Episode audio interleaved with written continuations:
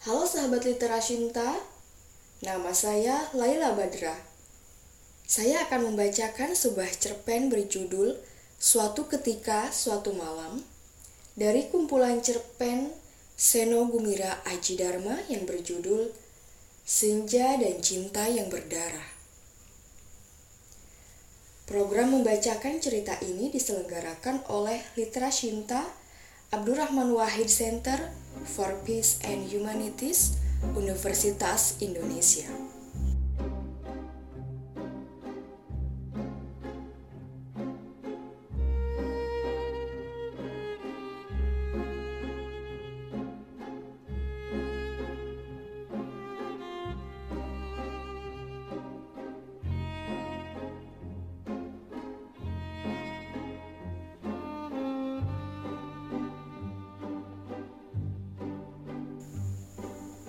Suatu ketika, suatu malam, Hong Kong terbenam dalam malam. Kerlip jutaan noktah cahaya dari belantara pencakar langit menggenang sepanjang cakrawala di seberang selat. Hutan beton itu kini sunyi. Kami berjalan sepanjang trotoar tanpa mengucapkan sepatah kata. Ia belum juga berhenti. Kapan ia mau berhenti? Setiap ada tikungan, dia membelok. Setiap ada lorong, dia masuk, keluar lagi di tempat lain. Sejak senja, kami telah berjalan keluar masuk hotel, dari bar ke bar, keluar masuk jaringan malam. Ayo, lebih cepat, Aku tidak menjawab. Kalau sudah capek, kamu balik saja duluan pakai taksi. Aku tidak akan pulang kalau belum ketemu. Kamu yakin bisa ketemu? Ia tidak menjawab. Terus melangkah, aku mempercepat langkah di belakangnya. Malam makin larut, mungkin hampir pagi. Aku tak pernah pakai jam tangan. Sejumlah klub malam mulai tutup. Tampak beberapa pelaut asing sempoyongan merayap perlahan di tembok-tembok kota. Sejak dari Kowloon kemarin, kukira sudah ada 112 bar, disco, restoran, maupun hotel yang telah kami masuki. Ia tiba-tiba menghentikan langkahnya. Kamu lapar? Sebetulnya tidak, tapi sambil menyeruput sop kepiting, ku tatap matanya yang tajam, keras, dan angkuh. Aku ingin tahu segala sesuatu lebih banyak, tapi aku tidak bertanya apa-apa ia makan amat sedikit. Ia membuka buku agendanya. Di dalamnya ada peta Hong Kong yang lengkap. Paling tidak ada 20 hotel lagi. Katanya sambil menatapku, sementara asap rokok tak teratur keluar dari mulut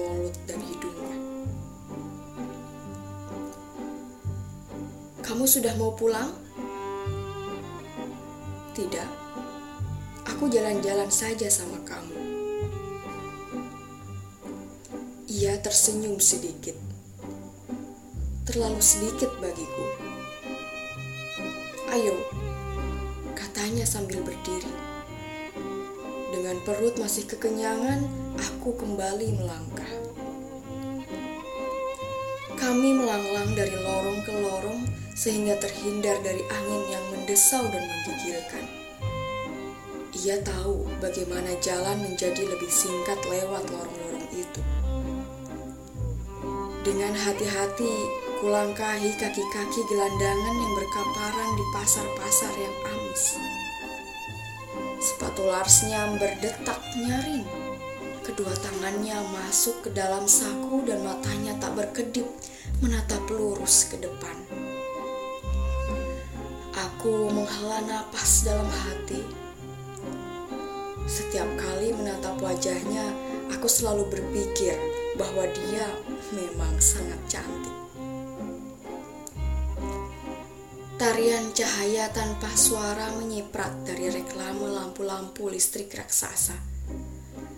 Bergantian memberi warna pada wajahnya yang berang bagaikan pijar-pijar perasaannya yang terpendam.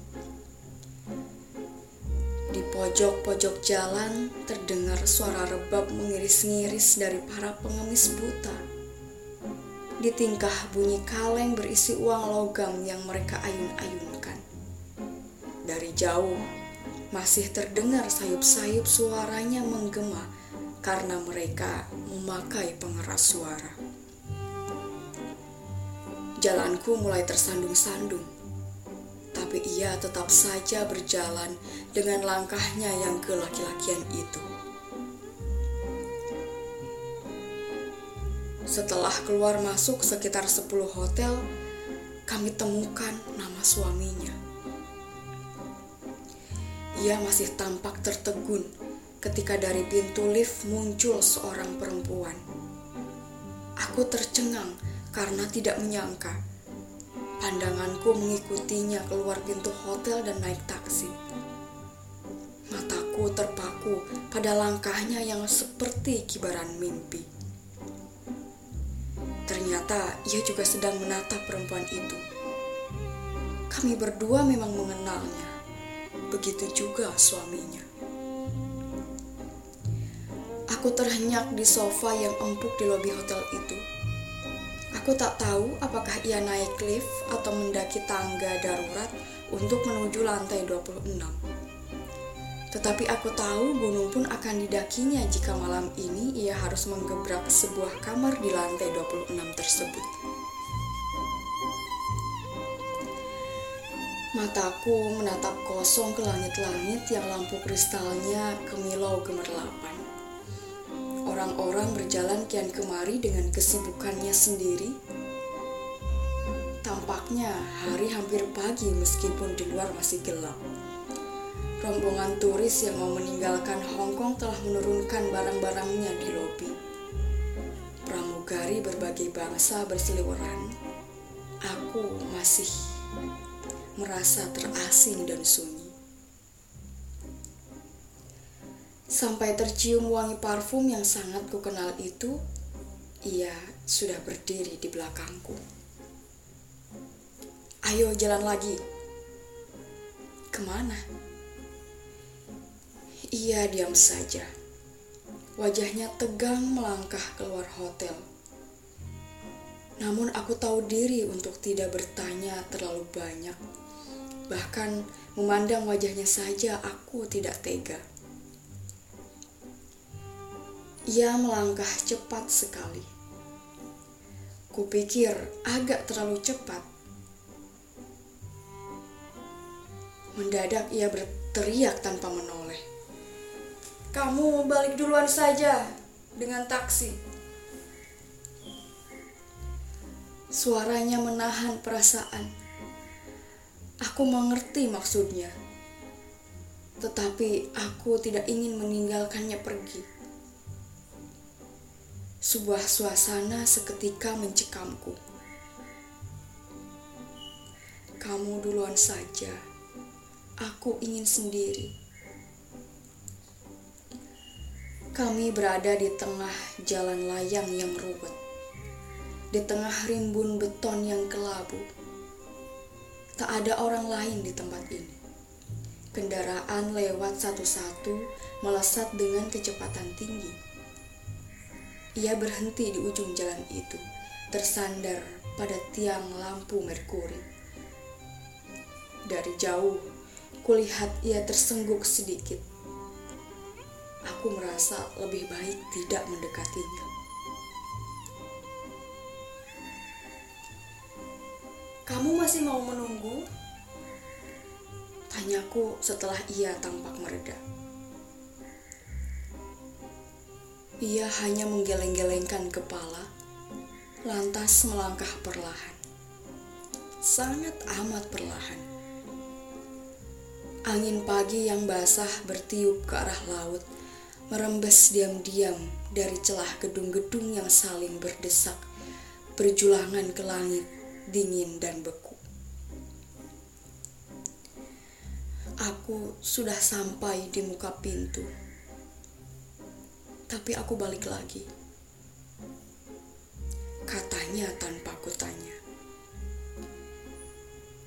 Mestinya kita tidak usah capek-capek semalaman. Embun membasahi pagar-pagar besi.